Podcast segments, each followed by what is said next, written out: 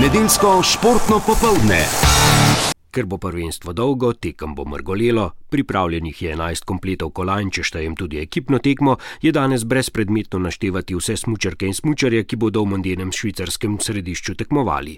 V strokovnem štabu jih uvrščajo v tri kategorije: v tretji so tisti, ki nabirajo izkušnje, v drugi, ta je najbolj številčna, so vsi, ki ciljajo na točke VCSL, torej na uvrstitve do 15. mesta, v prvi pa aduti za odličja. Da je naše najbolj vroče smučarsko ime te sezone Ilka Štuhec je jasno, koga pa v boju za odličja še vidi Miha Verdnik, vodja panoge za alpsko smučanje. Poleg Ilke tudi uh, Ana Drev, Žan Kranjec, Boštjank. Nedeljsko športno popoldne. Če se osredotočimo na trenutno formo alpskih smučark in smučarev, ki jo bodo najboljši v absolutni konkurenci prenesli v St. Moritz, potem sta brez dvoma glavna favorita za zmago v svojih disciplinah vodilna v seštevku vseh disciplin svetovnega pokala Avstrijec Marcel Hirscher in američanka Mikaela Šifrin. A svetovno prvenstvo je specifična zgodba, ki ne malokrat postreže z veliko presenečenji.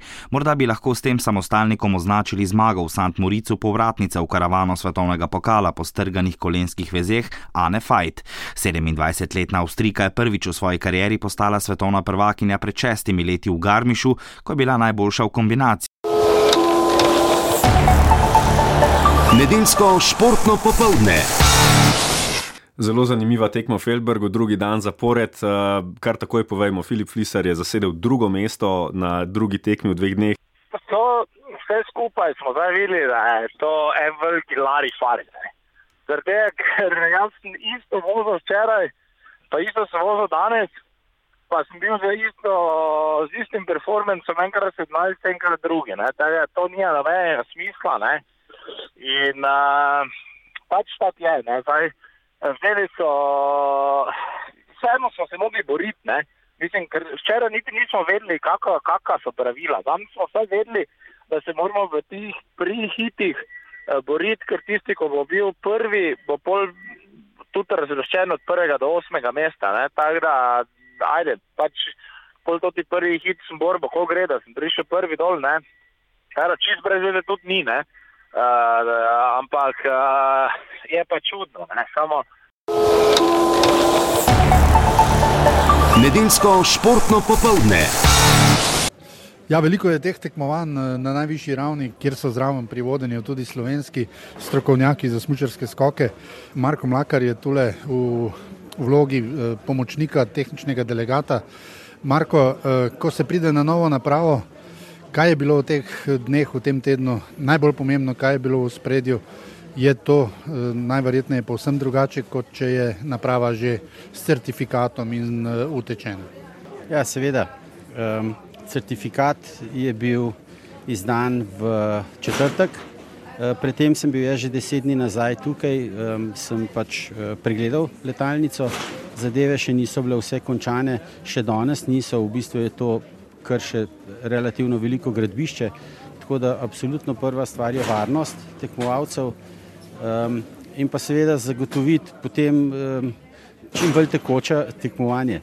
Problemi so kar s prevozi, zato ker lift še ni uh, v funkciji in uh, pot po cesti traja lahko tudi do 20 minut. Nedeljsko športno popoldne kako bo opravil svoje delo zanesljivo, vele mojster v letenju Juri Tepaš. Pri njem smo videli tule v Obersdorfu od povprečnih slabih do vrhunskega poleta včeraj, da nima v finalni seriji sedmim dosežkom, kar dovolj višine ima Juri hitrosti tudi, daleč gre Juri preko zadnje rdeče črte. Izjemen polet Jurija Tepaša, blizu 230 metrov je šlo tole. Nedeljsko športno popoldne. Med slovenskimi skakalkami je bila tokrat najboljša Maja Vtič, ki je osvojila deseto mesto in s tem sedmič v sezoni prišla med deset najboljših. Predvsem finalni skok je uspel tako, kot bi si želela večkrat. Sicer se nekaj prebujam, ampak pač na rezultatih še ni glih videti. Uh, ja, je bil pa pač drugi skok boljši. Videla sem, um, pač kako sem v zraku zgubljala v prvem skoku, tako da sem to hotela popraviti. Uh, en del mi je dobro uspel, ampak lahko rečem, da so to še velike rezerve. In v bistvu to malo jezino, ker mi vedno zmanjka nekje dva metra, da bi se še malo prebila bolj naprej. Um, če bi pa pač delala nekak take skoke, ki sem jih sposobna, lahko pa to hiter pomeni na skakalnici tudi več kot dva metra. Nedeljsko športno popoldne. Po petkovi zmagi Ana Marije Lampič v klasičnem sprintu so bili apetiti še nekoliko višji kot prej, ker se je tudi Višnarjeva prebila v finale, sta slovenki sodili med prve favoritinje. Do zadnje predaje sta to vlogo povsem upravičili. Pametno sta stopnjevali ritem, Katja Višnar je predala kot prva z nekaj sekundami prednosti pred zasledovalkami. Žal pa 21-letna Lampičeva ni zmogla slediti ritmu preostalih tekmovalk v vodilni skupini. Tako ne reče, sva zadovoljni, samo v bistvu bi, bi mogli biti na, na stopničkah, ampak jaz se res danes nisem dobro počutila, res sem imela težke noge in pač ni šlo. Ker pač te, kad te enkrat zabije, te zabije ne, in ne gre. Nedeljsko športno popoldne. Ekipna tekma skakalcev je bila prva tekma kakšnega slovenskega predstavnika na tej univerzijadi, kjer se je v morebitnem odličju govorilo nekoliko bolj na glas. Optimizem so orli črpali sredine tekme posameznikov, kjer sta Aljaž Vodan na četrtem in Andraš Moric na petem mestu bila blizu stopničkam, Anžel Lautižar je bil šestnajsti. Omenjeni trije so danes tudi sestavljali ekipo, ki po pravilih Mednarodne študentske športne zveze šteje enega člana manj, kot smo vajeni iz ekipnih preizkušenj v svetovnem pokalu. Nedeljsko športno popoldne. Sprehod po evropskih nogometnih zelenicah začenjamo na otoku, kjer ta vikend igrajo tekme 24. kroga. Veliki derbi sta včeraj odigrala londonska kluba Chelsea in Arsenal na Stamford Bridgeu, kjer so gostitelji nadaljevali z uspešnimi predstavami in so se na koncu razveselili zmage s 3 proti 1. Alonso, Azar in Fabregas so poskrbeli za veliko veselje domačih navijačev. Šele v sodniškem dodatku je častni gol za Arsenal dosegel Žiru. Nedeljsko športno popoldne.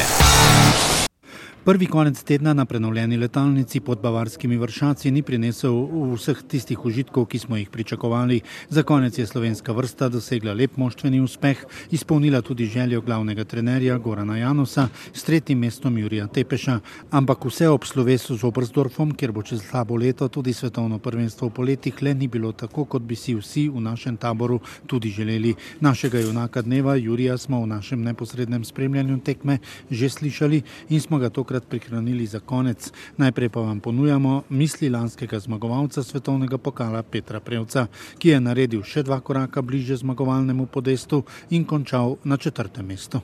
Zadovoljstvo sigurno je, ampak je kar podobno kot včeraj. No, s tem, ko manjka druga serija, ko manjka en skok, um, ko si ti v glavi pripravljen, da boš enkrat skočil, polje vsega naenkrat konc. Uh, pusti malo enega malo granjkega preukusa, ker um, si pripravljen na to, da pač še enkrat greš, še enkrat skočiš, um, pa se pa tako zdi vse malo nedokončano. Nedeljsko športno popoldne.